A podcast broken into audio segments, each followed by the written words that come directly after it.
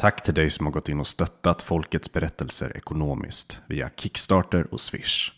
Vi vill rikta ett särskilt tack till Per Hallgren, Tom Engstedt, Erik Bergman, Henrik Jönsson, Johanna Hartman och Sebastian Tibbling. Det här är Folkets berättelser.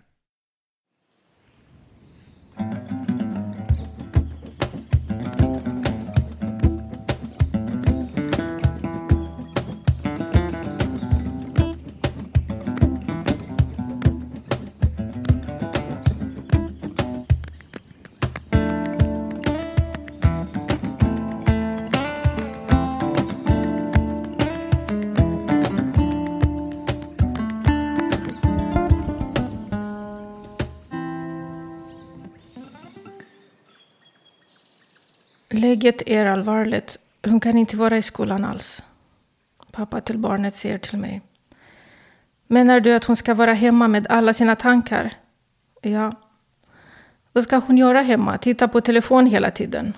Vila.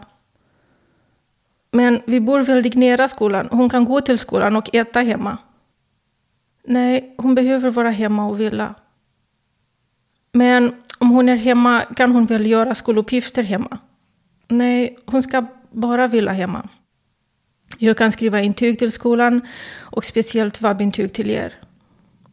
Mamma till barnet säger, man får inga pengar då. Jo, det är sant, man får väldigt lite pengar. Men ni har rätt till 100% vab båda två samtidigt. Kan jag få läkarlön och stanna hemma? Um, ni kommer att ha det svårt ekonomiskt. Förlåt, jag blev lite cynisk. Jag fattade vad hon menade. Hon menade det är lätt för dig att säga till mig att stanna hemma. Du har läkarlön. Vilken effekt det hade på mig kunde hon inte veta. Det var sista droppen för mig. I den stunden bestämde jag mig att säga upp mig från jobbet. Det var den sista bekräftelsen jag behövde för att ta en paus från behandlingsvärld, sjukdomens värld, läkaransvar. Vad jag hörde och vad jag kände är förstås färgad av min historia och mitt liv och min relation till min roll som läkare och till pengar. Jag hörde, det är inte värt din lön. Vem tror du att du är för att säga till mig hur jag ska leva mitt liv och ta hand om mitt barn? Det är du, läkaren, systemet, sjukvården som ska lösa det här problemet åt mig. Det är du som ska bota mitt barn. Vad jag ville säga Behöver du min lön för att ta hand om ditt barn? Det gäller om en 16-årig flicka som väger runt 30 kilo. Den här flickan har tränat på elitnivå i två sporter konstant tills två månader innan besöket hos mig. Den här flickan hörde från skolsyster att hon är över sin viktkurva för två år sedan. Hon har gått ner i vikt kontinuerligt. Hon fick beröm på vägen. Jag rekommenderar att hon ska vara hemma på heltid, pausa skolan minst i två veckor och efteråt fick föräldrarna reagera på det. Mammas kommentar sårade mig djupt. Jag kommer från fattigdom. Jag blev läkare för att aldrig leva i otrygghet. Min mammas fasa var att någon dag kommer vi att bo på gatan i en kartong. Det blev min rädsla också. Jag blev så paralyserad av maktlöshet. Vad kan jag göra? Jag kan ingenting, jag är inte bra på någonting. Det påminde min mamma om varje dag. Du är zero utan mig. Du har två vänsterhänder, klumpig jävla tjej. Precis som din pappa. Rent neurologiskt kunde jag faktiskt använda båda mina händer. Jag är ambidexter, så tekniskt hade jag två högerhänder. I början tror jag att jag var vänsterhänd, men när jag försökte skriva med min vänsterhand fick jag stryk över fingrar från min fröken på skolan. Min mamma blev påmind om min pappas släkt när jag använde min vänsterhand för att skriva eller skära bröd eller klippa papper. Så det var skamligt. Du är lik dem, zigenare som din pappas släkt. Jag var som en blomma och fick gifta mig med honom och med hela hans zigenare-familj. Så jag visste att jag inte var bra på något. Men jag visste också att allt jag hade var mig själv. Mitt huvud, min kropp, min hjärna. Jag bestämde mig att fokusera på min hjärna och min mental kapacitet. Jag pluggade så mycket jag kunde, sov väldigt lite, var alltid trött. Men jag lyckades komma in på medicinsk universitet. Då behövde jag ta en tentamen. I Rumänien var det ingen intervju. Ingen brydde sig om mig, min personlighet, mina intentioner. Ingen trodde på mig. Ingen trodde på någon. Jag var ingen, kunde ingenting. Nästan bodde på gatan, åt potatis varje dag och drack te med hembakat bröd och hemgjord marmelad. Brödet och marmelad var hemlagade på grund av fattigdom, inte med organiskt syfte. Mjölet var av väldigt dålig kvalitet och hade små larver i sig. Det var förbjudet att slänga bröd eller mat. Jag behövde äta bröd och marmelad med mögel. När jag avslutade gymnasium och förberedde mig för universitetstentamen var min pappa inte hemma. Han jobbade i Grekland på svarta marknaden utan dokument. Då behövde vi en visum för att resa i Europa. Oftast fick vi inte vi från Rumänien. Han nådde Grekland till fots, gick över gränsen från Bulgarien på natten, drack vatten från vattenpöl och åt bär. Jag fick inte veta om honom på flera veckor. Men han lyckades. Han hittade jobb, men var hemlös. Han tjänade några pengar som han skickade hem. Efter några år kontakten med honom blev mycket sämre. Han ringde inte, han skickade inga pengar. Jag var så orolig. Min mamma bara förbannade honom. Men jag tänkte, om jag kan bli läkare då behöver han inte vara där. Då kommer han att komma tillbaka. Om jag kommer in på universitet kommer han att vara så stolt över mig och kommer att tänka att allt han offrade för mig var inte förgäves. Jag lyckades med tentamen till medicinska universitet med bra resultat. Jag fick även stipendium med en liten summa varje månad som belöning för bra resultat. Det var perfekt. Min hjärna har också producerat pengar till familjen. Min mamma berättade till alla som att det var hennes utförande. Till slut fick vi höra att det var en olycka på byggarbetsplats. Min pappa råkade trampa i en acetonhink. En gnista hamnade på hans ben och han brann. Han transporterades till sjukhus. Hans chef betalade för allt för att min pappa var olagligt där och var hemlös. Han fick hudtransplantation och jag fick inte veta om honom på flera månader. Då bad jag Gud att ta hand om honom. Jag hade ingenting och kunde ingenting. Allt jag hade var mig själv. Gud för mig då var en hård Gud som ville ha bevis på tron. Så jag erbjöd Gud en del. Gud, låt min pappa leva. Ta år från mitt liv och ge till honom. Gud, ta från mig och ge till honom. Jag var så ensam. Min mamma skrattade åt honom. Allt sker för att han är dum i huvudet och klumpig. Han har två vänsterhänder och kan ingenting. Han överlevde och blev helt återställd, men lämnade oss officiellt. Han kom inte tillbaka. Han slutade prata med mig, med min bror och med min mamma. Han klippte bandet totalt med oss. Då blev vi ännu fattigare. Nu, allt mamma sa var att pappa kommer att slänga oss ut från lägenheten och vi kommer att bo på gatan. Min mamma blev deprimerad och distriktsläkare skrev bensodiazepiner till henne. Hon sov hela dagen. Jag var igen ensam. Jag kunde ingenting och var ingen. Jag var 19. Den delen av mitt liv blev återaktiverad när den mamman till patienten ville ha min lön. Plötsligt kände jag skam för att ha hög lön. Vem var jag? En zigenare som kunde inget. Hennes kommentar gick direkt till såret. Men när jag är i läkarroll, då har jag superfokus på andra sår. Inte på mina egna. Så den mamman blev så transparent för mig och jag kunde se djupt i henne. Så valde jag att rösta henne först. Jag tänker på så många olika saker egentligen när jag, när jag, hör, din, när jag hör din story. Det första är den här relationen mellan läkare och patienter. Och vilka förväntningar som kan finnas på läkare. Eh, kan du känna att de här förväntningarna är omöjliga ibland? Att folk förväntar sig för mycket från er? Ja, absolut.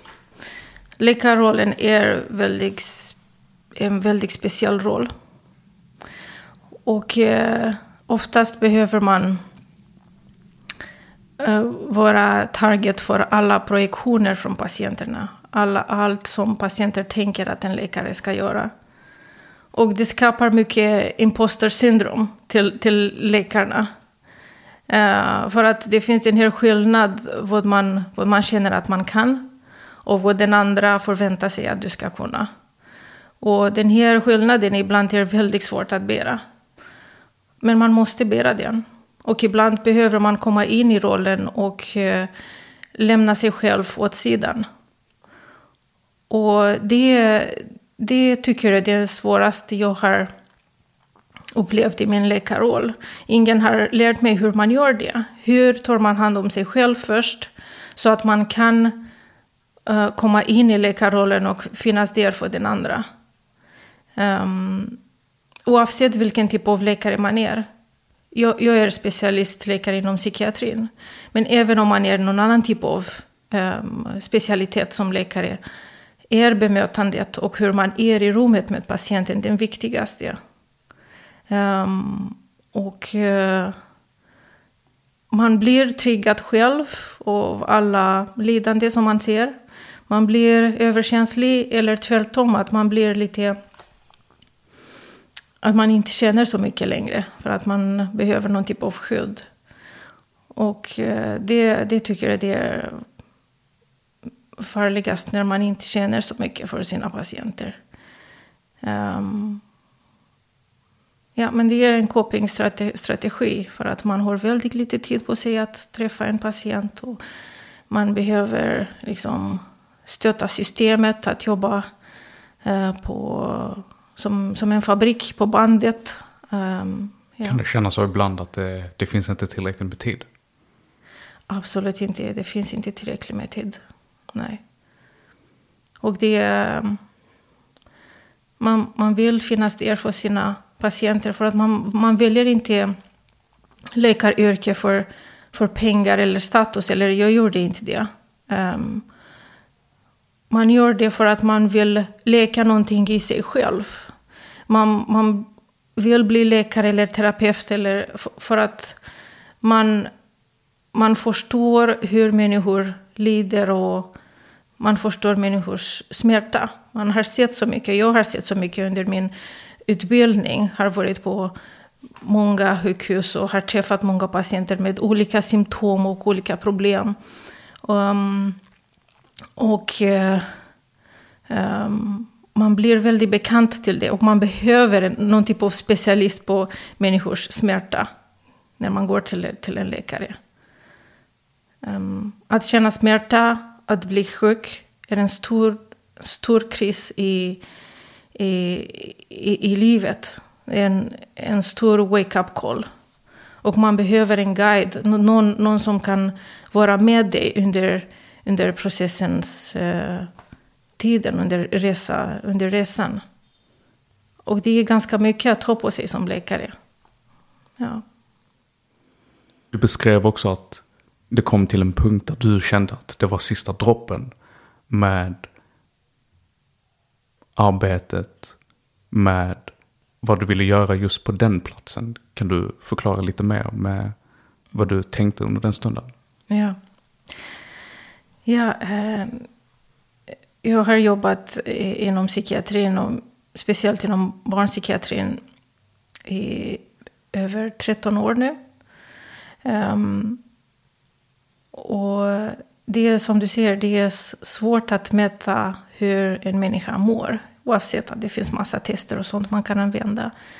Men egentligen i psykiatrin finns det inga blodprover man kan göra. Det finns, det finns inga um, um, uh, röntgenbilder som kan visa uh, hur en människa mår eller vad en människa behöver. Allt står i, i bemötandet av vad händer i rummet när patienten kommer till mig. Så egentligen det är jag som är instrument till, till, uh, till min läkarroll. Det är jag som behöver känna. Det, det är allt som patienten ser resonerar i mig. Um, och eh, det är inte bara jag som gör det, vi alla gör det. Och efter man har träffat um, en viss antal människor, då, uh, då kanske man förstår lite snabbare. Ehm. Men den här kan verkligen ehm, ta väldigt mycket ifrån mig. För att jag, jag insåg att jag inte kan släppa jobbet. Att jag, jag fortsätter bära på, på de här barnen som jag träffade på jobbet och alla familjer som var i kris. Jag tog dem med mig hela tiden och tänkte på dem och tänkte hur, hur jag kan hjälpa dem och eh, vad skulle funka, vad skulle inte funka och överanalyserade vad de sa och vad de gjorde och är det här framsteg eller inte. Um, jag har inte alla svar, men jag tror kanske det är en del av processen att vara läkare. Att kunna bära sina patienter med sig. Eh, för att de, de betyder så mycket för mig. Och, och kanske det, det är en del av um, bättre prognos. Att kanske de blir eh, friskare eller de kommer att må bättre för att jag, jag kan bära deras lidande. Men det är ingenting man vill göra hela tiden. Och uh, jag tror att systemet och uh, samhället um, behöver ge tid för återhämtning. Till exempel att verkligen få betalt för att ta hand om sig själv. För att Um, det är jag som är instrumentet. Det är jag, allt går igenom mig som, som läkare eller som terapeut. Um, så då kände jag att det var för mycket då. Och jag tog en paus. Och uh, um, nu är jag på väg tillbaka. Men med en annan inriktning. Ehm, jag vill ehm, gärna stötta eh, vårdpersonal och eh, personer som jobbar med människor. Ehm, och att visa dem eh, hur man kan fortsätta jobba, fortsätta jobba med, dem, med det som de är bra på. Den här att help the helpers. För att när livet är svårt, och det händer massa saker nu för tiden. Massa tra tragedier och kriser och sånt. Och jag tycker det alltid har hänt sådana saker. Um, om jag tänker på, på mitt liv. Uh, jag är född i eh, uh, 1982 och det är liksom i Rumänien. Det var eh, fullt kommunism. Det var liksom the end of the world. Det var den värsta delen av kommunism, kommunismen. Och man hade inget hopp. Man trodde att eh, det kommer att bli bara värre och värre. Hur kan man skaffa barn då, tänker jag. Hur kan man skaffa barn när världen håller på att krascha? Och då har jag tänkt att världen alltid håller på att krascha. Världen kommer, eh, håller på alltid ta slut. Och eh, när man är i en sån kris, då behöver man leta efter de som hjälper till.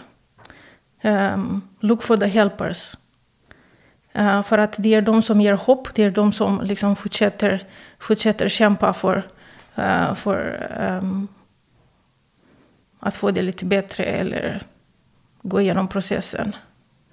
Um, och uh, det vill jag fokusera nu. och det är liksom Eh, det som jag försöker nu att eh, ehm, erbjuda stöd till vårdpersonal, läkare eller sjuksköterskor eller skötare eller eh, ehm, mm, någon timanställd där på, på, som jobbar inom psykiatrivärlden som behöver extra stöd. Som man, folk som man inte erbjuder tid för återhämtning och, och. Jag tänkte på den här Uh, konversationen som du hade med, eh, med föräldrarna till mm. den här patienten. Liksom hur det påverkade dig eller hur, mm. vad, du, vad du tyckte om eh, det de sa. För att det kopplas även samman till din egen historia. Liksom. Mm. Uh, vad kände du i, i, i tiden att du, att du gärna ville liksom säga till dem? Eller vad du gärna ville att de skulle förstå? Mm. Mm.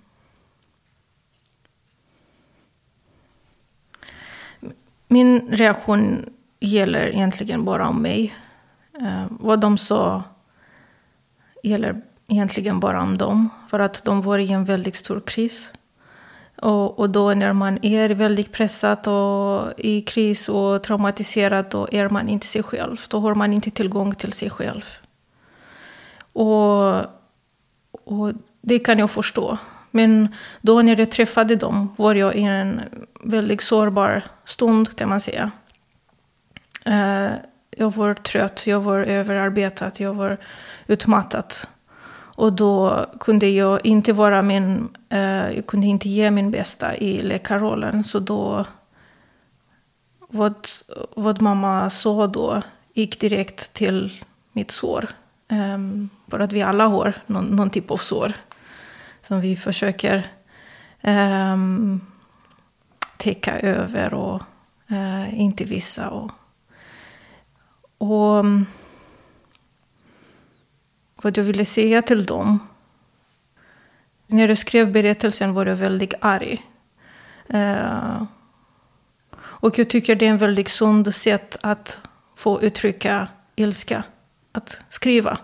Eller att prata. Eller att debattera. Ehm, jag tycker att i, i, nu för tiden eh, har man jättesvårt att hantera ilska och att använda ilska. För det är ingenting som är fel med att vara arg. Eh, det är en väldigt mänsklig känsla som vi alla har. Jag bara tittar på mina barn, de är arga flera gånger per timme. Liksom. Och hur hanterar jag deras ilska och hur bemöter jag deras ilska kommer att vara uh, avgörande. Um, och de kommer att lära sig, mina barn kommer att lära sig att hantera ilska när de kommer att bli vuxna. Uh, så då tar jag det på allvar. Ilska faktiskt kan vara en väldigt stark motor. Ilska ger väldigt mycket energi till systemet. Och det kommer att hjälpa dig att gå vidare och att take action. Um, och nu, ehm, efter tiden har gått, ehm, jag har väldigt mycket compassion och till, till familjen. Och det är jättesvårt att ha ett barn som är sjuk. Och nu för tiden det är väldigt lätt att sätta skuld på föräldrar. Så oftast när föräldrarna kom till mitt rum, de, de, var, de var så man kunde se på deras eh, kroppsspråk hur de ber på den här skulden. Och de ville bara ha någon att ge den skulden till. Och ibland är det jag som läkare som behöver ta emot det. Och ibland var det uh, att jag behövde säga ja, kanske det är systemets fel, det är sjukhusets fel, det är mitt fel. Uh, för att kunna um, um, underlätta för dem att vara föräldrar. Och, um, och nu förstår jag att när man känner sig, när man känner mycket skam och skuld, då det är samma sak, man, man är inte sig själv. Då försöker man liksom, då ser man saker som man inte menar eller man reagerar bara i stunden. Eh, så, så ibland eh, inom läkande process är att vara där som läkare eller terapeut och lyssna och ta emot och, och vara en vittne till deras ilska eller till deras skam. Eller, eh, och eh, inte skicka tillbaka någon döm. Eller, um, och det, det lyckas ju ofta. Um, men i den stunden blev jag väldigt fokuserad på mig och Eh, den här att känna smärta och att tänka på sina sår, det, det är någon typ av negativ narcissism. Liksom man tänker, jag, stackars mig, och hur svårt det har varit för mig. Och då tappar man fokus på den andra personen. Så ibland har jag den här övningen att när jag har en tendens att vända mot mig och tänka på allt jag har varit med och eh, hur mycket smärta jag har känt. Um, att vända uppmärksamheten på den som är framför mig. Eh, och det släpps. För att så hjälper vi varandra. Så de har hjälpt mig också jättemycket, mina patienter och familjerna som jag har träffat. Ja. Det är också väldigt svårt just den här relationen som man har med eh, patienterna och vad det innebär för ens egna liv. Jag menar, kan man egentligen någonsin släppa Eh, de patienterna ur tankarna eller kan man egentligen gå vidare från det? Du pratar om att du bär med dig också vissa saker och eh, som kan vara känslofyllda på något sätt. Må det vara ilska, må det vara hopp. Och det, jag ser det bara som en sån otrolig utmaning för läkare. En sån otrolig utmaning att försöka läka andra sår när man även har sina egna som man behöver se till. Och de är kanske inte alltid medvetna om vad de liksom får fram hos en. Eller de har ju ingen aning om vad man själv har varit med om för någonting. Och, uh, att sätta sig in i den rollen, må det vara patient eller må det vara läkare, är inte enkelt. Liksom. Uh, hur tror du läkare hade kunnat få bättre stöd liksom under sådana här omständigheter? Uh, vad tror du du hade behövt för att kunna förbättra en sån situation med alltså kontakt till dina patienter? Ja, um, jag tror jag skulle ha behövt en mentor en, um, en kollega som har varit igenom sådana saker som kunde lyssna på mig och uh, ge stöd och um, uh, validera um, mina känslor och, och mig själv och förstärka faktiskt min, min roll.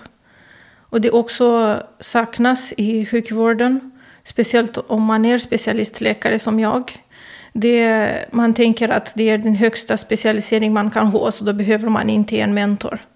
Men det, det är ett totalt fel. Det är precis då man behöver en mentor. Um, och eh, också group support. Man behöver känna att man är en del av någonting större. Man behöver känna att man tillhör en grupp. Det är en väldigt basal mänsklig behov att känna att man tillhör. Det är precis som barnet har behovet att, att känna att, man, att, att barnet tillhör familjen. Och barnet letar alltid efter bevis att, äh, att hen tillhör familjen. Det är samma sak med vi alla. Eh, att känna att man är en, en del av sammanhanget. Och det betyder att ha tid att träffas med de andra kollegorna, att att uh, spegla varandra, att uh, uh, inte, inte prata bara om patienter och titta igenom listan, vad behöver vi göra under dagen och hur ser min kalender ut. Men att prata, hur ser din energi ut idag? Um, vad skulle du behöva från oss som grupp? Eh, kan vi hjälpa dig eller kan du stötta en annan kollega, kanske en yngre kollega? Eller, um, så det är mentor, grupp um, och efteråt tid för återhämtning. Inte vara jour hela tiden och nattjour och förväntas att du ska prestera på samma nivå nästa dag. Uh, och um, till exempel det, det händer nu inom psykiatrin att man är jour hemifrån. Så det betyder att man har um, arbetsmobilen med sig hela tiden hemma. Och man, man får betalt bara när telefonen ringer. Så det betyder att mellan olika samtal som man har, då är man inte jour. Men man är spänd hela tiden. Man behöver ha den telefonen hela tiden. Och vara i beredskap att åka till sjukhuset. Och, um, och inte låtsas att det är okej. Okay, för att vi alla vet att det inte är okej. Okay, att inte ge tid för återhämtning. Att inte um, um, erbjuda möjligheter till att lära sig mer om, om um, existentiella frågor. Om um, att, att prata om den spirituella delen av, av, av, av människor. Som, spirituellt menar jag att vi, har, vi är i, i, i en relation med allt som lever runt omkring oss. Jag menar att vi connectar med andra människor, med eh, liksom, jord, med allt som lever på, på jorden. Det är för mig eh, spiritualitet. Um, så att bryta den här isoleringen, att man hamnar själv på rummet med patienter och med lidandet. som man behöver en spegel i, i, i någon annan, en kollega eller mentor eller handledare eller något. Och tid att återhämta sig. Jag tycker också att det, det är intressant det du säger att ibland så det bästa sättet att förstå sig på någon annan är genom, eller förstå, förlåt, det bästa sättet att förstå sig på sig själv är kanske genom någon annan. Uh, och just den här relationen som man kan ha genom dialog eller genom samtal tror jag är otroligt viktigt. Eh, och vi ser ju också nu mer än någonsin att det finns utmaningar både med mentala hälsa och, och andra liksom tunga teman. Mm.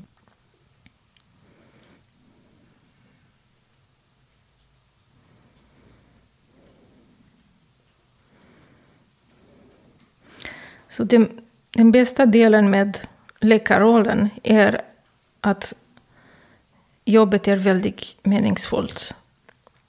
Det, det, det är inte pengar, det är inte status. De bara laddar på skuldkänslor och skam. Det, det är inte det. Den bästa delen är att det är meningsfullt. Då känner man att man bidrar, att man hjälper de andra.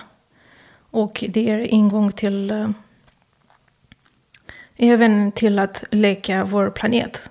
Det är att vara i, med oss, att börja med vår inre liv. Och, och att vara vittne till, till så många som går igenom en kris, eh, genom en the dark night of the soul. Och att se dem, att de kommer på andra sidan. Um, det, ger, det ger så mycket tillbaka. Um, men man behöver ha ork för det. Och, och,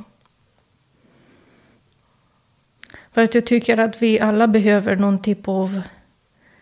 Att, att känna att man, att man gör någonting som är meningsfullt. Det bidrar till att, uh, till att vara glad och må bra.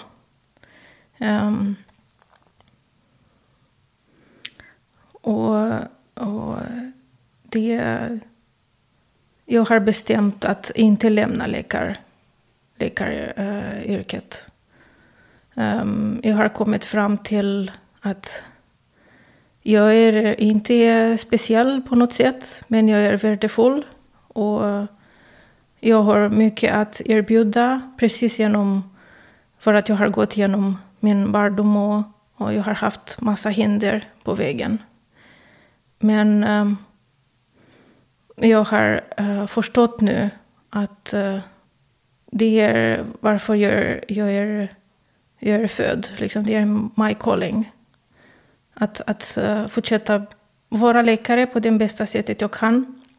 Jag förstår att jag kanske har någon typ av överkänslighet. Um, som, som jag har vänt till min superpower. Min superkraft. För att um, om jag är känslig till saker som andra inte vågar prata om eller inte vågar visa, då betyder det att jag måste göra någonting uh, åt det. Jag måste, jag måste använda den informationen som jag får in.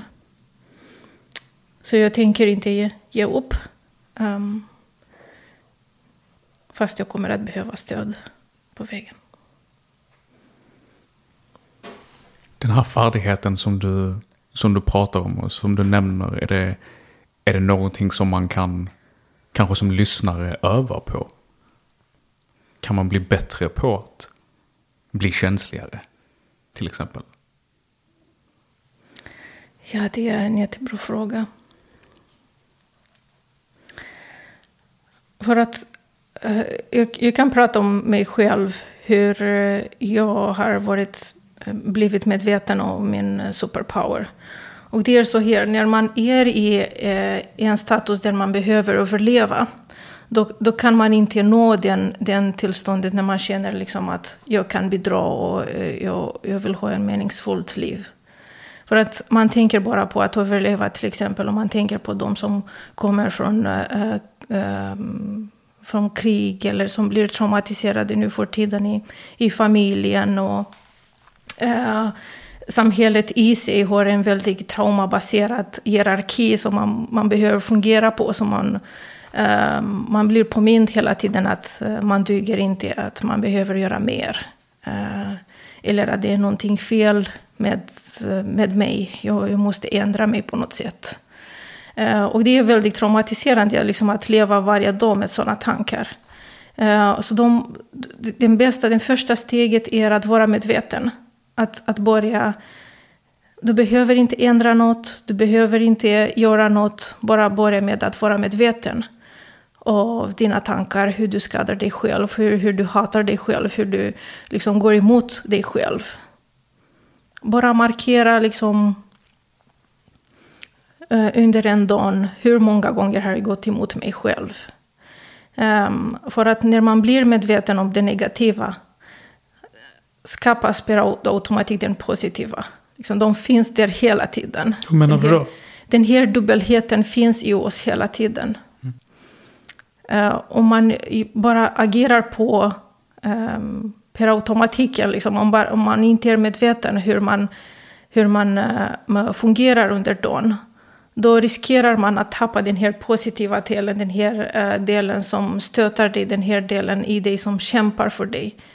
Till exempel man glömmer sin kropp oftast, man är bara huvud. Liksom man går på gatan och ser bara, bara huvud som går runt och massa tankar och uh, folk som inte är i kontakt med kroppen. Och, och och kroppen kommer alltid vara på din sida och kommer alltid kämpa för dig. Och, och man börjar liksom tänka på vad din kropp säger just nu. Min kropp säger att jag behöver vila till exempel. Kroppen pratar med dig hela tiden. Det skickar meddelanden till dig hela tiden. Um, men vi är så fokuserade och vi, vi tror att vi är våra tankar. Och det är inte sant. Våra tankar är bara någon typ av um, reaktion till, till miljön. Um, man är mycket mer än det. Uh, du är faktiskt den som observerar dina tankar. Du är faktiskt den som observerar uh, vad händer med dig. Det det är mycket mer än dina tankar. Och, så jag tänker att första steget skulle vara att vara medveten. Hur går hur går din dag? Hur, mycket, hur ofta går du emot dig själv? Och då, när du ser det, då kommer andra delen av dig, den andra delen av dig som, som, um, som vill få fram din um, äkta du, kommer att komma fram och börja kämpa för dig, tycker jag. Eller så har hänt för mig, så ja. Mm. Jag tänkte, det finns så många olika saker att, att prata om och, och, ta upp också här. För att du, du nämner så många bra punkter.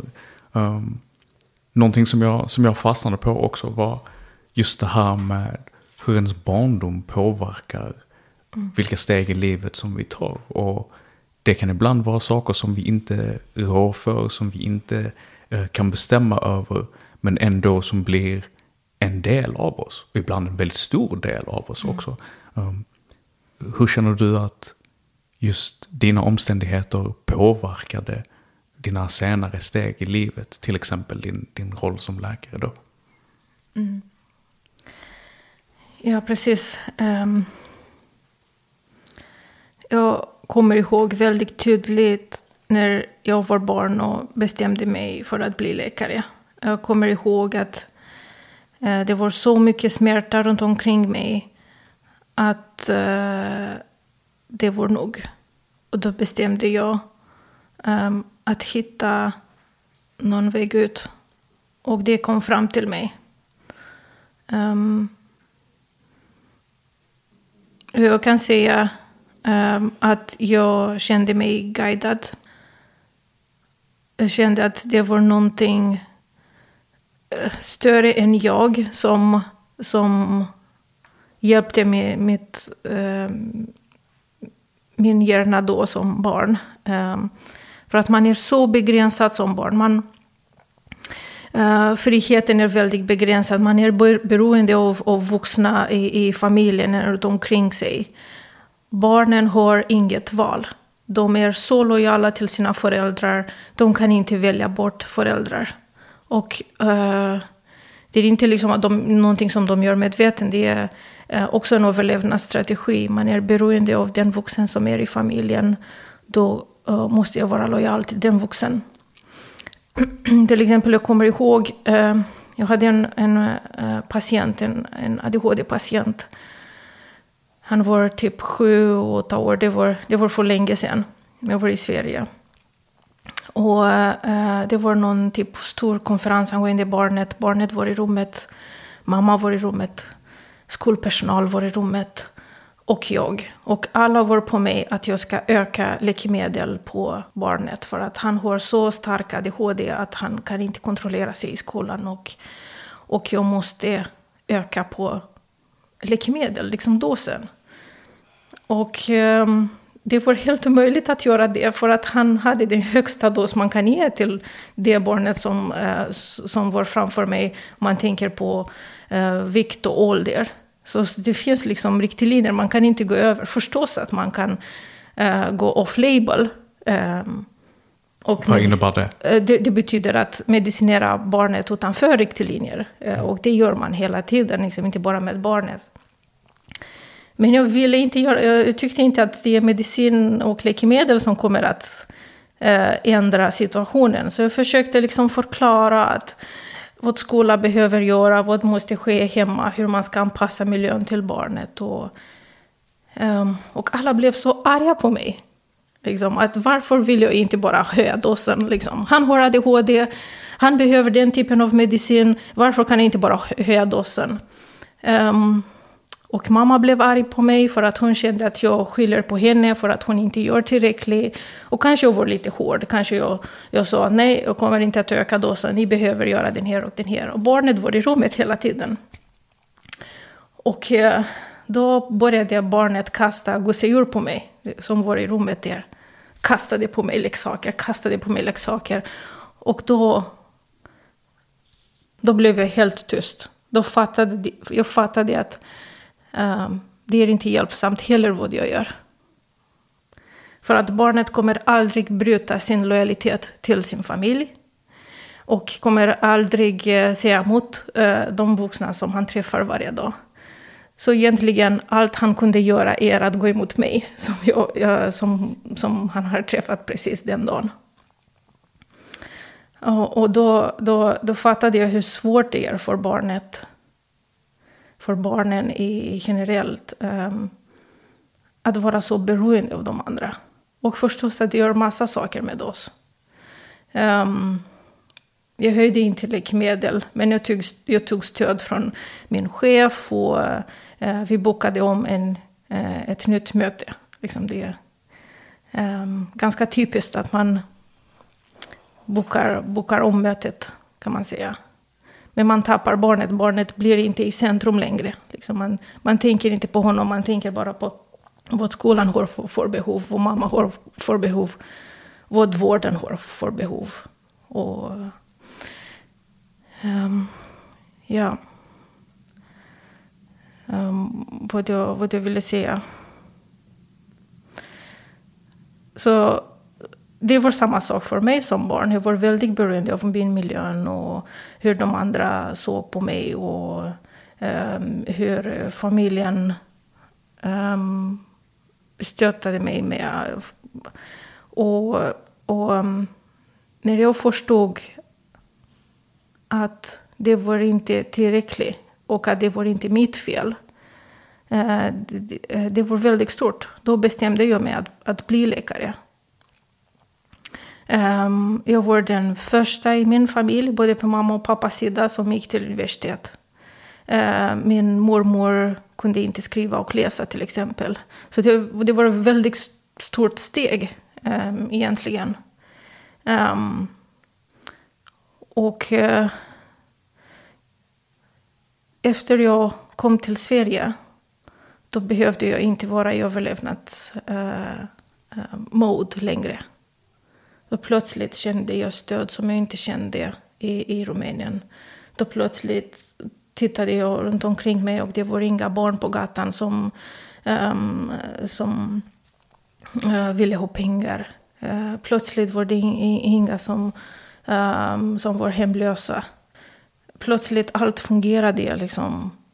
Um, jag fick väldigt snabb uh, eh, ehm, kontakt med banken. Jag fick väldigt snabbt eh, liksom boende och sånt och jobb. Och, um, um, lärare för att lära mig svenska. Och allt fungerade, så min överlevnadsstatus behövdes inte längre. Och, och det hände något med, med nervsystem när man har lyckats, lyckats på något sätt. Um, man blir plötsligt väldigt trött för att man har hållit ihop så länge. Man har varit i hypervigilance så pass länge. Och då när man, när man är i safety, i, i trygghet, då, då blir man helt plötsligt väldigt trött. Um, att anpassa mig till Sverige var inte lätt, så det krävde, väldigt, det krävde väldigt mycket från mig. Um, men jag, jag lyckades med det, för att jag, jag hade också hyperfokus. Uh, jag har lärt mig att, att använda medierna hjärna och, och bara fokusera på vad jag vill och behöver.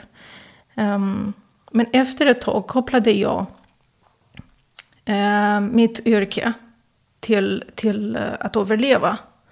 Och jag behövde inte överleva längre. Jag kunde nu växa och trivas och, och tänka på andra saker. Och, um, och det var en period när jag inte vågade säga att jag var läkare. Liksom, någon frågade mig vad jobbar du med? Då hade jag lite motstånd att säga att jag var läkare. Jag sa att jag jobbar med barn. Eller jag sa att jag jobbar på BOP och sånt. Inom vården? Inom vården, mm. ja precis. Och tittade på mig, varför kunde jag inte säga att jag, att jag, att jag jobbar som läkare? Uh, och det var den här att jag... Um, min, min psyke och nervsystem kopplade den värsta i mitt liv med min överlevnadsstrategi. Så det tog, en, det tog tid för mig att kunna vända på den här och att se att, att egentligen mitt yrke har ingenting att göra med vad jag har varit med. Liksom, förstås att min trauma um, har varit någon typ av hinder på vägen.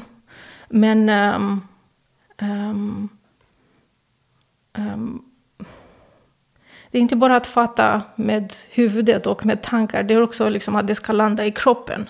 Att, att ehm, att förstå väldigt djupt att jag har väldigt mycket att erbjuda uh, och att uh, um, jag förstår uh, väldigt mycket runt om, om vad händer runt omkring mig.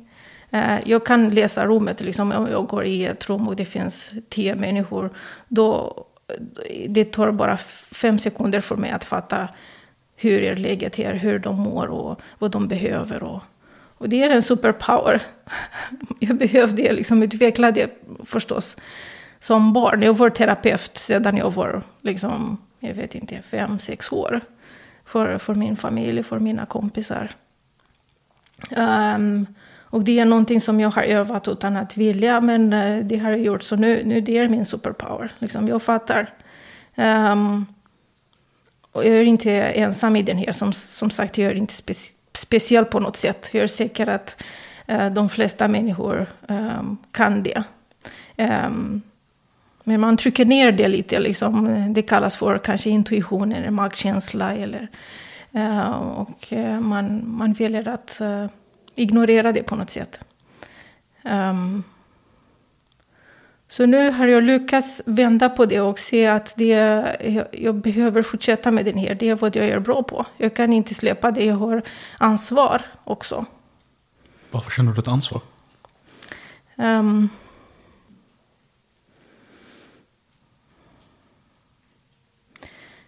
det är som sagt, som jag har sagt förut, eh, att vara paralyserad och att känna mycket maktlöshet.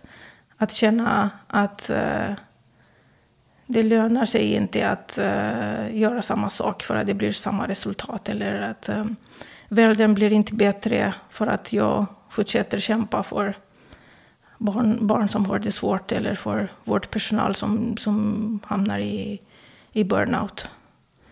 Um, men allt jag kan och allt jag har lärt mig ger mig ansvar och makt också. Um, och hur använder jag makten som jag får? För att knowledge och eh, information och utbildning är också makt. Använder jag liksom lämna det åt sidan och, och, och hamna i någon typ av handlingslös eh, situation eller väljer jag att göra något? Även om jag ändrar väldigt lite. Även om jag kan göra liksom en lite bättre värld för, för mina barn. Då, då har jag gjort eh, min del. Om jag sitter och jag inte gör något, liksom blir helt liksom, för, förlamad och eh, då kanske jag gör saker värre. Um, så min princip, uh, skada aldrig, liksom inte göra det värre.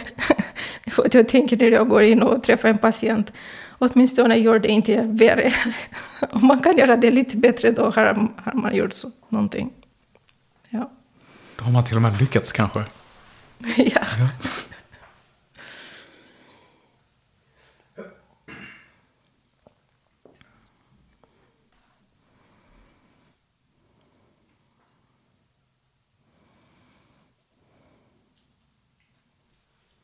Så mycket olika tankar som går, eh, går igenom hjärnan just nu. Både det här med att, eh, att kunna bidra till sig själv men även till andra personer. Att kunna förbättra omständigheter. Eh, det är lite som när man sitter på ett flygplan. Först måste man, vad säger man? Först måste man ta på sig en egen mask. Yeah. Och sen får man hjälpa någon Precis, annan. Yeah. Jag tyckte det var jättekonstigt när jag var, när jag var liten. Jag fattar mm. inte om du ser att någon annan behöver hjälp. Varför hoppar mm. inte du in då direkt och, och, gör det. Men ibland kanske krävs det att du, att du är stark nog eller förberedd eller uh, har tillräckligt mycket i, i bägaren för att kunna ge någon annan också. Och det är kanske inte alltid någonting som man diskuterar i den här uh, i det här livet som vi, som vi mm. håller på att gå igenom som är lite som en, en produktionsband. Mm. Liksom allting är alltid i rullning och det är det är måndag till fredag och ibland kan det vara svårt att hitta den tiden och det utrymmet för att kunna titta inåt mm. eh, i det här fallet. Och jag kan, jag kan ibland se det också som att din superpower blir också någonting som du kan tillämpa även till dig själv då, i det här fallet. Eh. Mm. Ja. ja, precis. Det blir ännu konstigare om man är förälder. Hur ska man liksom sätta liksom gasmask på sig själv först. Mm. Inte på barnet. Mm. Och det, det var en äh, stor läxa för mig äh, när jag blev mamma. Att, att förstå att äh, först måste jag ta hand om mig och bearbeta vad jag har varit med innan jag bemöter mina barn. oftast är det så att man blir triggad av barnen som man har i den ålder när man har haft svårast eh, eh själv. Till exempel um, um, när, när jag var kanske runt, runt två, tre år gammal hade vi jättesvårt hemma som jag har hört. Och jag kände av mig när mina barn var runt den, den åldern. Eh, hur triggad jag blev. Och jag förstod ingen... Eh, triggad menar jag att kroppen um, det är kroppen som triggar. Det, det, man får ångest i systemet, man blir rastlös, man har inte tålamod, man känner att man inte är sig själv, man blir arg oftare än man vill och, och, och sådana saker. Man, man, känner inte, eh, man känner inte igen sig själv. Um, och då förstod jag att jag behöver först ta hand om mig, och hur man säger, det finns den här teorin av inre barn. Det betyder att vi, vi ber på, på oss själva. Vi har en eh, inre barn i, i, i oss. Så om jag pratar om mig själv, eh, min, eh, mitt inre barn. det är barnet som har blivit traumatiserat eller som har haft svårt, som är, kan man säga, stagnerade i den ålder jag har haft svårt. Och det barnet kommer ut um, när jag blir triggad till exempel. Så det betyder att barnet tar över. Så plötsligt finns är det den här tvååriga barn som inte fick skrika hemma, som skriker nu i min eh, vuxen kropp. Förstår du? Att man får liksom en vuxen tantrum plötsligt på jobbet för att chefen har sagt någonting. Och det, det gäller att förstå att eh, du blir triggad av, av chefens auktoritet. Som du, du um, internaliserar som, som din relation till, till en förälder till exempel när du hade inget val, när du hade inget, eh, ingen makt. Och då reagerar du som ett, som ett barn. Uh, och det händer väldigt ofta. Uh, och det gäller att vara medveten om det och ta hand om den här inre barn.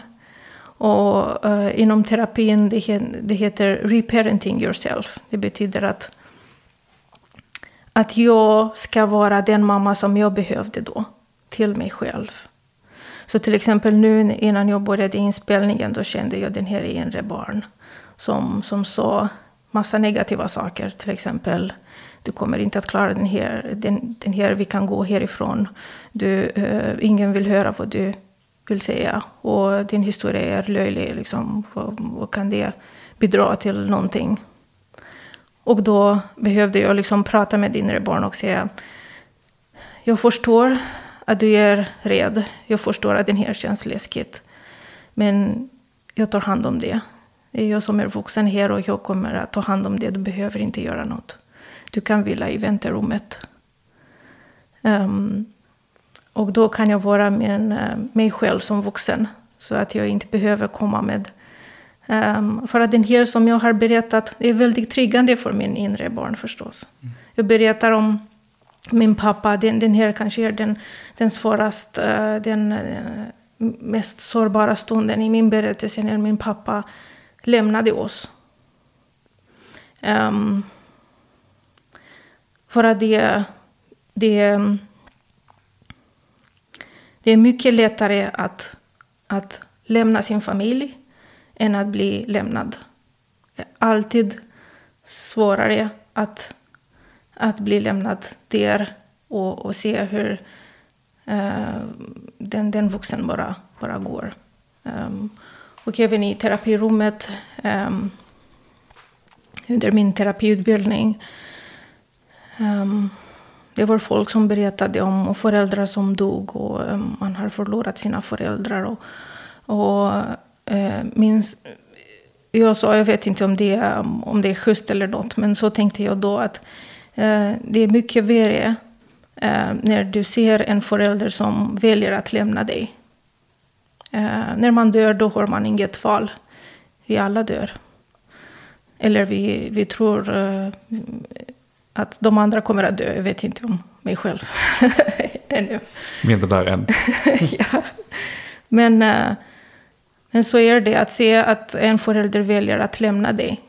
är, är väldigt tungt för ett barn. Och eh, det, det, det är såret som jag behöver bära med mig. Den här rädslan att bli lämnad. Den här rädslan att om jag gör något då kommer jag att bli lämnad. Um, um, och förstås, det gäller inte bara mig. Jag, som sagt, jag är inte speciell på något sätt. Jag är säker att den här rädslan finns, finns i oss alla. Um, så den rädslan behöv, behöver jag ta hand om det. Och vara medveten om det, att nu kommer det upp. Och nu tar jag hand om det. Och nu pratar jag med min lilla, min lilla Raluca och säger, vet du vad, du behöver inte göra något. Jag tar hand om det. Ehm, och det fick jag inte höra som, som barn. Som barn hade jag mycket ansvar. Jag var, som sagt i berättelsen, jag var väldigt ensam. Jag tog hand om mig själv, jag tog hand om min bror. Ehm, och eh, inte bara praktiskt, men också känslomässigt. Ehm, jag var den känslomässiga centrum i, i familjen. Jag behövde bära min mamma, jag behövde bära min pappa och min bror. Um, och um, det får barn inte behöva göra. Liksom det är för mycket för ett barn. Um, så just nu att säga till min lilla Raluca att nu kan du vila. Du behöver inte göra något, jag tar hand om det. Um, det är en practice um, som, jag, som jag är medveten av. Uh, som jag behöver göra. Och, ibland lyckas jag med det, ibland inte. Det är träning. Mm.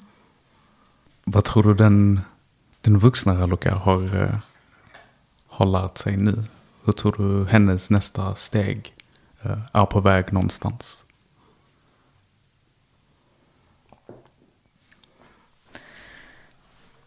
Den här att kunna berätta min historia, eller en del av min historia, är väldigt symboliskt för mig. Att kunna visa mig, ehm, att kunna prata om vad har hänt, um, är um, någon typ av metafor för att kunna integrera vad har hänt, för att kunna ta emot det, för att inte kämpa emot min historia längre. Nästa steg för mig är um, eget företag. Så det är jättestort för mig. För att det ger väldigt mycket ekonomisk risk. Och det förstås, det triggar mina trauma. Liksom att vara i otrygghet och eh, när det kommer till pengar och sånt. Att, eh, att riskera använda min metod och min metod betyder att kunna ge mer tid till mina klienter. Inte 45 minuter, vad är det 45 minuter? Det är ingenting. Standardsession hos mig kommer att bli minst 90 minuter så att vi liksom ska varma upp till varandra och känna, känna in och kunna um, prata om uh, saker som man har tänkt att man vill prata. Um, och uh, först tänker jag att erbjuda stöd till vårdpersonal. Um, ehm, eller de som jobbar med människor, till exempel också lärare och uh, även föräldrar. Eh, svåraste jobb man kan ha. Um, problemet är att uh, läkarna och vårdpersonal är, de är de sämsta patienter. Liksom. De, de Tror du att det är på grund av att de har redan sett för mycket själva och varit med om så mycket själva? Ja, jag, jag tror det har någonting att göra med uh, Uh, att man ska bemöta förväntningar från, från omgivning och, och, patienter. Att man behöver liksom visa någon typ av bild av eh, välmående och, och um, hälsa. Eh, så att man, God forbid, vara sjuk eller må dåligt. Fast eh, min, min tron är att människor eh, letar efter någon typ av guide som redan har gått igenom svårigheter, som har, gått, som har redan gått på andra sidan. Du vet, i alla historier finns det att man behöver gå igenom skogen. Man är innocent, naiv, barn och man behöver gå igenom skogen, precis som Hansel och Gretel. Yeah. Uh, och genom skogen blir man vilse. Uh, eh, genom skogen blir man väldigt rädd. Uh, mycket mm, det är väldigt mörkt. Liksom det är en dark night of the soul. Och oftast vet man inte vad man gör. Man är väldigt kaotisk. Man, man riskerar väldigt mycket. Men man kan inte stanna i, i, i, i samma plats. Man behöver gå vidare. Och när man har gått genom den här skogen och har gått på andra sidan. Då har man någon typ av karta. Då fattar man skogen. Så då, om jag skulle gå tillbaka till skogen och vara där som en guide med en karta till någon som är vilse där i skogen. Det tror jag att jag har mycket, mycket mer um, credentials. Då, då, då, tror jag att de, de skulle behöva min, min hjälp. Eh, skogen kan jag inte ta bort, man behöver gå igenom det. Trauma och lidandet behöver man inte för att kunna lyckas i livet. Men smärta kan man inte undvika. Varför? Det, jag kan inte svara på den frågan. Jag, jag, kan bara berätta om vad jag har observerat. Att människorna pendlar mellan pain and pleasure. Liksom den här två delar av livet.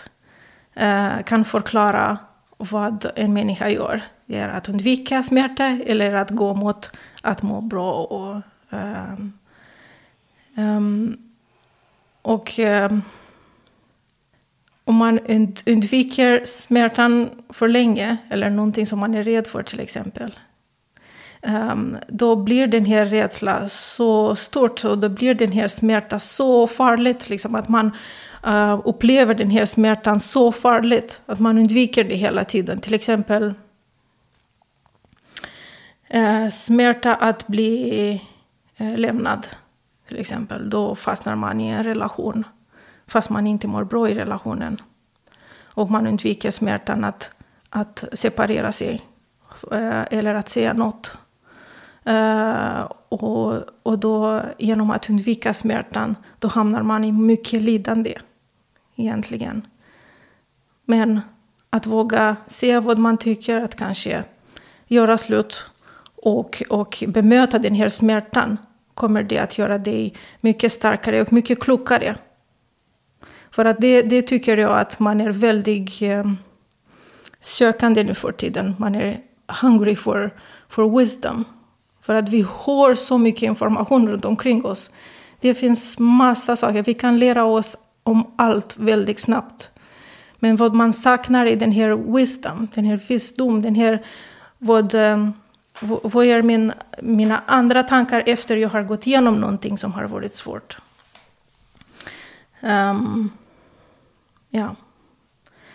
Så den här sa jag att vårdpersonal, det är precis som, som Jesus som hörde um, ehm, um, ehm, Rescue yourself, Jesus. det är lite samma sak med läkarna. Liksom. Cure yourself, doctor. Och det, det, kan man inte göra själv. Och det tog lång tid för mig att förstå att jag behöver söka hjälp. Jag kan inte göra allt själv. Uh, så, så, så därför um, tycker jag det, det finns inte tillräckligt med eh, tjänster där ute för, för eh, människor som jobbar med andra människor. Till exempel tänk att bemöta familjer som kom, kommer från krig, eh, från krig.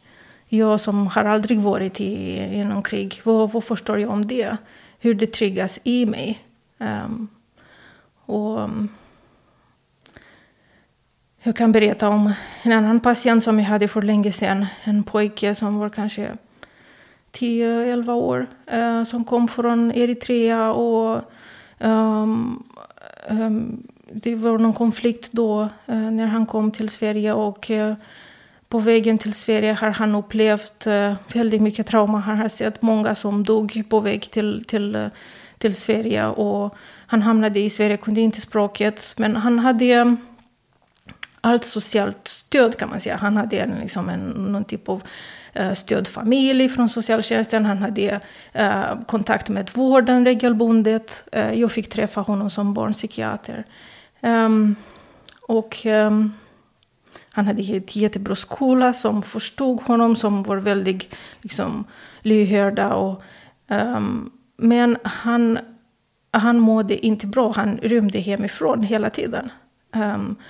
Och uh, den minsta jag, den lilla minsta jag kunde förstå från honom, vi hade tolk i rummet och också det går mellan, mellan oss. Um, det var den här, den som, som drabbade honom jättemycket. Var, varför överlevde jag? Varför de andra dog och överlevde jag till, till Sverige? Och det är väldigt vanligt till de som är traumatiserade, den här um, um, överlevnadsskuld, kan man säga. Och han var väldigt liten. Uh, det var väldigt svårt att, för honom att bearbeta. Och, um, um, någon, någon kväll um, utan varning. Ingen, ingen fattade det kommer att ske. Han rymde hemifrån och gick i skogen och uh, tog sitt liv. Genom att hänga sig. Um,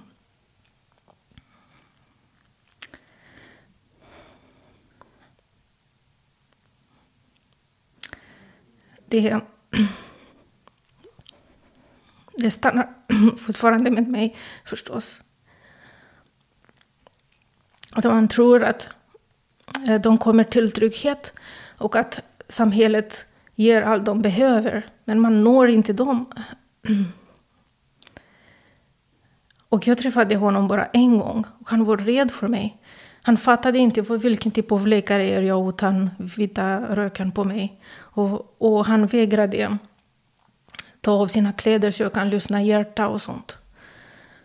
Jag insisterade inte. Oftast är det så att um, det blir någon typ av sexuell misshandel och då, då blir de väldigt eh, avvaktande till, eh, till um, undersökning.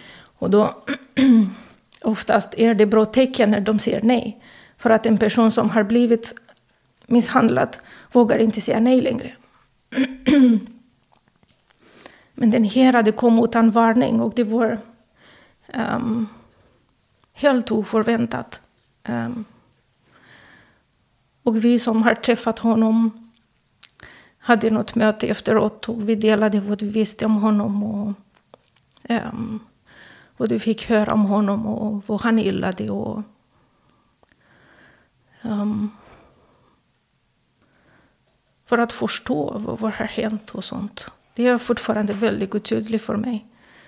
Men eh, den här att um, när man känner sig trygg, när man inte behöver överleva längre.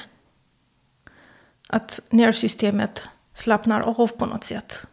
Och då hinner man ikapp med alla trauma och alla tankar och um, alla känslor. Och, um, och då behövs jättemycket stöd. Kanske inte så mycket, man tänker att man, de behöver mycket terapi. Barn gillar inte så mycket terapi, de fattar inte vad terapin är. Um, vad, vad det kan hjälpa er community. Liksom att ha ett gäng vuxna och alla, alla typer av åldrar. Folk runt omkring som speglar dig. Som du ser att du har någon typ av påverkan, du, du, um, impact på dem. Att känna att du är en del av någonting. Um, och att stöta dig genom den här mörka, mörk, mörka tankar. Um, som dyker upp. Ja. Um.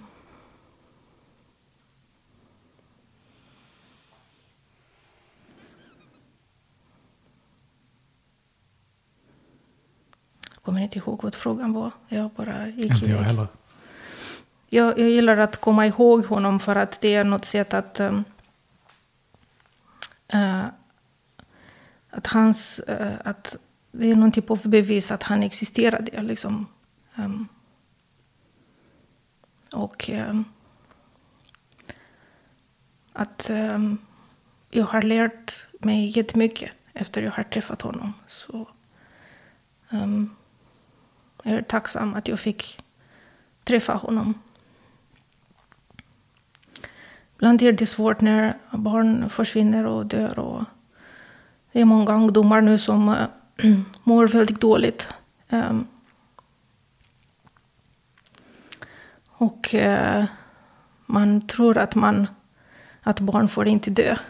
Men eh, det är inte sant. Barn dör, dör hela tiden. Och, mm, um, man tror att uh, livet uh, måste vara långt för att det ska vara liksom, meningsfullt. Men det, det, det är inte sant. Um, livet är meningsfullt i, i varje sekund. Uh, som jag hörde igår i, i, på konserten i, i Sigtuna att um, now is an orphan. Uh, att leva i här och nu och att vara tacksam eh, för här och nu. Jag har inga föräldrar, liksom. ingen vill vara i här och nu. Alla vill vara i framtiden. Eller lever som jag har levt i, i förflutna, liksom i barndomstrauma. Och, man lever om och om igen. Vad har hänt? Så, um, ja, ingen vill vara i här och nu, i bemötandet, i, i stunden. Mm. Det finns ett sånt värde i här och nu, känner jag. Det finns ett sånt värde i att kunna vara present, att kunna vara delaktig, att kunna bidra. Um, jag tror också att det är det som är självaste utmaningen när det är både ett förflutet som kanske drar en tillbaka men även en framtid som försöker dra en fram på något sätt. Ja. Liksom hur, hur kan vi göra för att vara här och nu? Hur, kan vi, hur kan vi se bortom våra utmaningar och se bortom trauma och se bortom de här eh, svårigheterna som vi går igenom för att kunna andas, vara på plats.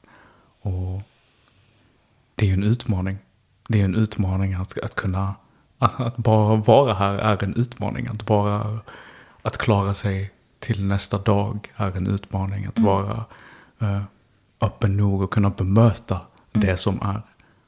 Och det är väl det som vi alla försöker jobba på på ett eller annat sätt. Att ta ett nästa steg där vi är.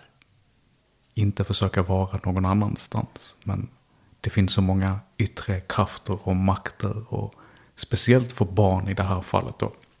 eh, Där de är i så stort behov. Och de kan kanske inte bestämma själva hur de, hur de vill eh, göra saker på. Jag vill säga att det är helt omöjligt att vara hela tiden i här och nu. Det är omänskligt att be en, en person att vara eh, i här och nu hela tiden.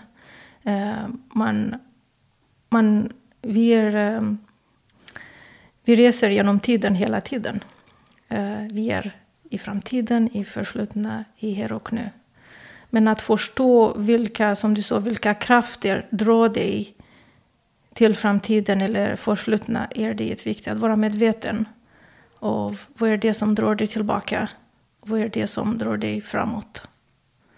Um, men här och nu har den största potential. Det är här och nu du kan fatta ett beslut som kan ändra ditt liv.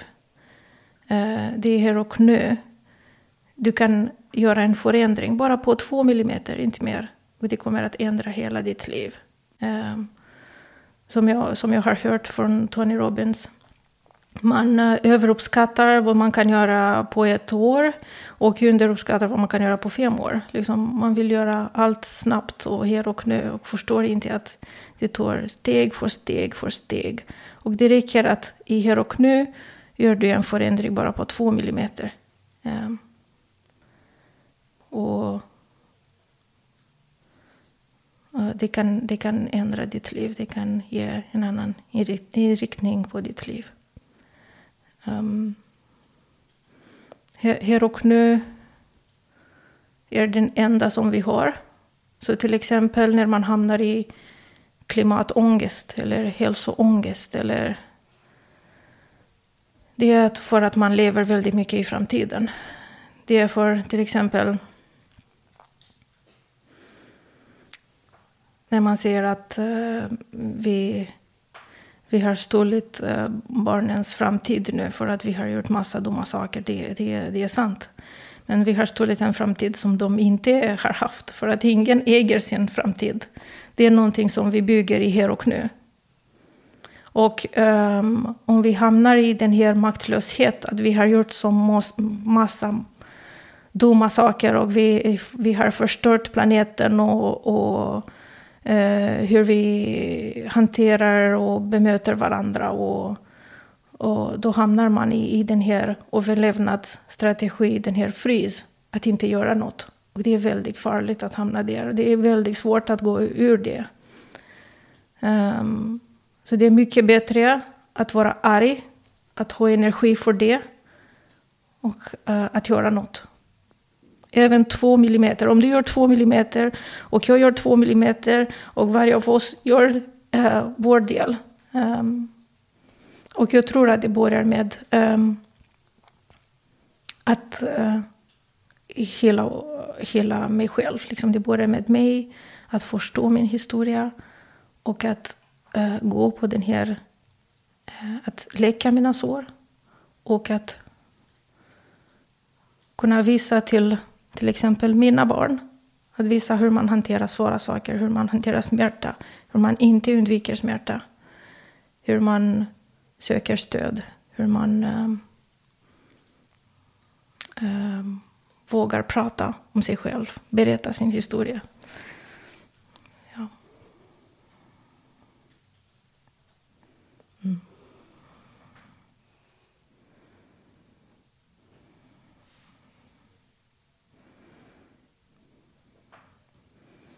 Jag hörde det också igår. Um, Stephen uh, Jenkinson sa eh, Make me useful in a war. Så vi vet inte hur det kommer att bli i framtiden. Men om jag tar ansvar för vad jag kan göra, om jag tar ansvar för, jag, uh, för att använda my knowledge och för att använda min makt. För att jag är en privilegierad kvinna, vit kvinna som kommer från Eh, EU som fick väldigt lätt ehm, ehm, alla papper när jag kom till Sverige. Jag fick väldigt snabbt personnummer och nu har jag svenskt medborgarskap. Det är en privilegium. Det är inte alla mina kollegor till exempel som kommer från Ryssland eller eh, från Iran eller sånt. De har, de har inte fått det så snabbt som jag, jag har fått. Um, hur, hur använder jag den makten som jag har fått från min privilegium? Um, för att privilegium är också ansvar, tycker jag.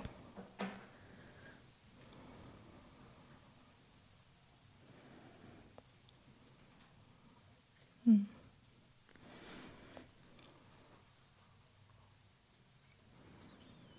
Idag så tror jag att vi, vi använder också våra färdigheter och privilegium och vår röst på ett helt annat sätt också.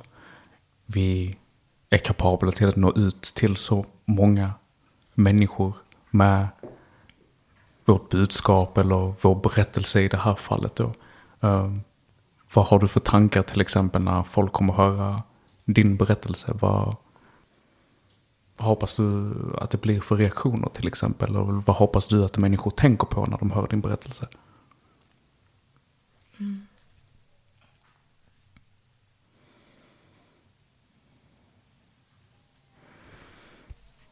Jag, jag ber dem att lyssna på min berättelse med mycket öron och öppet hjärta. och um,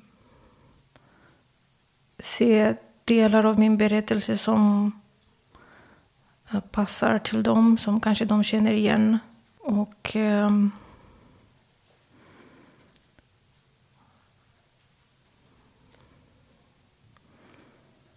om min berättelse skapar någon typ av reaktion i dig, då,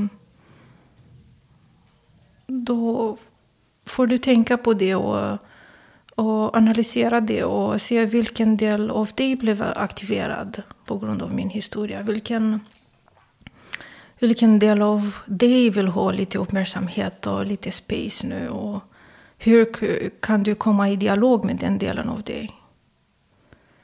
Um, oavsett reaktion uh, är jag tacksam att uh, uh, någon fick lyssna på min berättelse. Det har hjälpt mig väldigt mycket och som sagt, det har en symbolisk betydelse för mig. Att komma ut och att vara hel på något sätt. Integrera den del av, av mig som jag har inte berättat så öppet. Mm, förut, ja.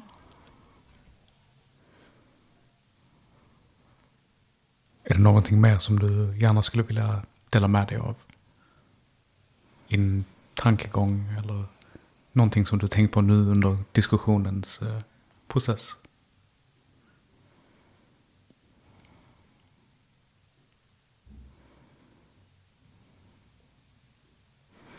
Det är en idé, det är inte min idé, jag har hört det från andra.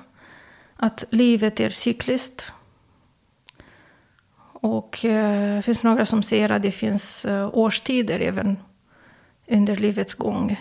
Eh, till exempel att man är i, i, under våren när man är upp till kanske 20 år. Och efteråt kommer sommaren när allt är väldigt varmt och snabbt och kanske obehagligt ibland. Och, um, mycket energi mellan 20 och 40. Och efteråt kommer hösten som jag kanske befinner mig i. När man um, um, you gather what you saw. Uh, betyder att man samlar uh, resultat kan man säga. För vad man har Ehm, eh, planterat under våren. Så om du inte har planterat någonting under våren då kommer du att ha en väldigt jobbig höst. Uh, så det är jätteviktigt för, för ungdomarna och de som är i våren. Kanske det, det gäller inte speciellt om ålder men uh, att uh, plantera idéer och värderingar och att jobba på det. Att hitta sig själva och förstå vem jag är och vem jag vill bli och vilken typ av person jag väljer att vara. Um, och efter hösten, kanske efter 60 år, kommer vintern när um, du behöver ge tillbaka. Du behöver vara en lärare. Du behöver stötta dem, de som uh, är precis i början. Man ser att kanske det finns årstider även eh, eh, under his, historiegång. Till exempel just nu är vi under en vinterperiod. Det betyder att det är väldigt svårt. Eh, man ser inte ur sig den här situationen. Man får väldigt mycket ångest av alla nyheter och allt som händer. Och, och den goda nyheten är att eh, efter vinter kommer alltid vår. Att det finns ingen vinter som, som är för alltid. Um, även i Sverige? Även i Sverige, ja. Så so the winter is coming, men jag tror att det är på slutet nu. Så om man uh, lyckas um, ha en ganska okej okay liv nu under vintern, uh, det kommer att bli uh, fantastiskt under våren och sommaren. Liksom verkligen, man kom, kommer att ha det jättebra. Um, så om man tänker, om du pratade om hopp, ehm, då kan man eh, lita på att livet är cykliskt och man, man känner inte smärta för alltid, man känner inte lycka för alltid. Ehm, allt går över, kan man säga. Ja.